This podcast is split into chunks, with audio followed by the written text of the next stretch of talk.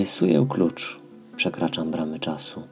Pochłania mnie mgła iluzji lasu.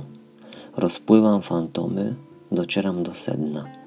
Podziwiam ręce stare, co ziarna soi łuskają wytrwale.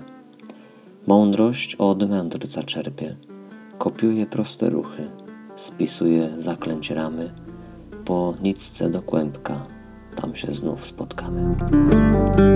Wsiadam do czasoprzestrzennego pojazdu. Ruszam w podróż odległą. Oto jestem na miejscu. Jednak zamiast iść leśną ścieżką, przemierzam teraz zamkowy dziedziniec lub coś na jego kształt. Wita mnie dziwny człek, potężnie zbudowany. Sprawia wrażenie, że wie, kim jestem. Prowadzi mnie do tego, do kogo przybyłem. Po chwili jednak gubię ów człeka z oczu, a przede mną pojawia się kolejna postać. Efemeryczny starzec, który ewidentnie stara się wyglądać jak osoba będąca celem mojej podróży. Wtem ów mędrzec rozpływa się. Znika też kamienna budowla, przez której korytarz od jakiejś chwili szedłem. Otacza mnie teraz gęsty las, przez który gdzieniegdzie przebija światło słońca. Nagle pojawia się ten, dla którego się tu znalazłem.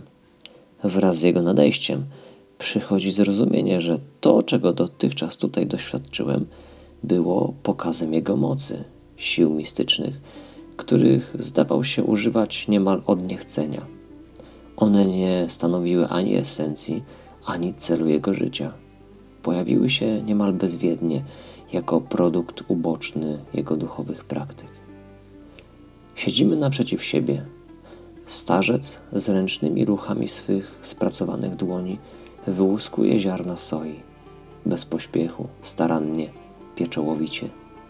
Zdaje się być całkowicie pochłonięty tą banalną czynnością. Jest strąkiem, jest ziarnem, jest zwinnymi palcami, które wyłuskują soję. Jestem przekonany, że do tej jakże błahej czynności z łatwością mógłby zaprząc swe moce. Jednak on tego nie robi, nie stwarza iluzji i nie żyje w iluzji. Jestem wdzięczny za to spotkanie, w pewnym sensie ponowne, a w jeszcze innym niekończące się.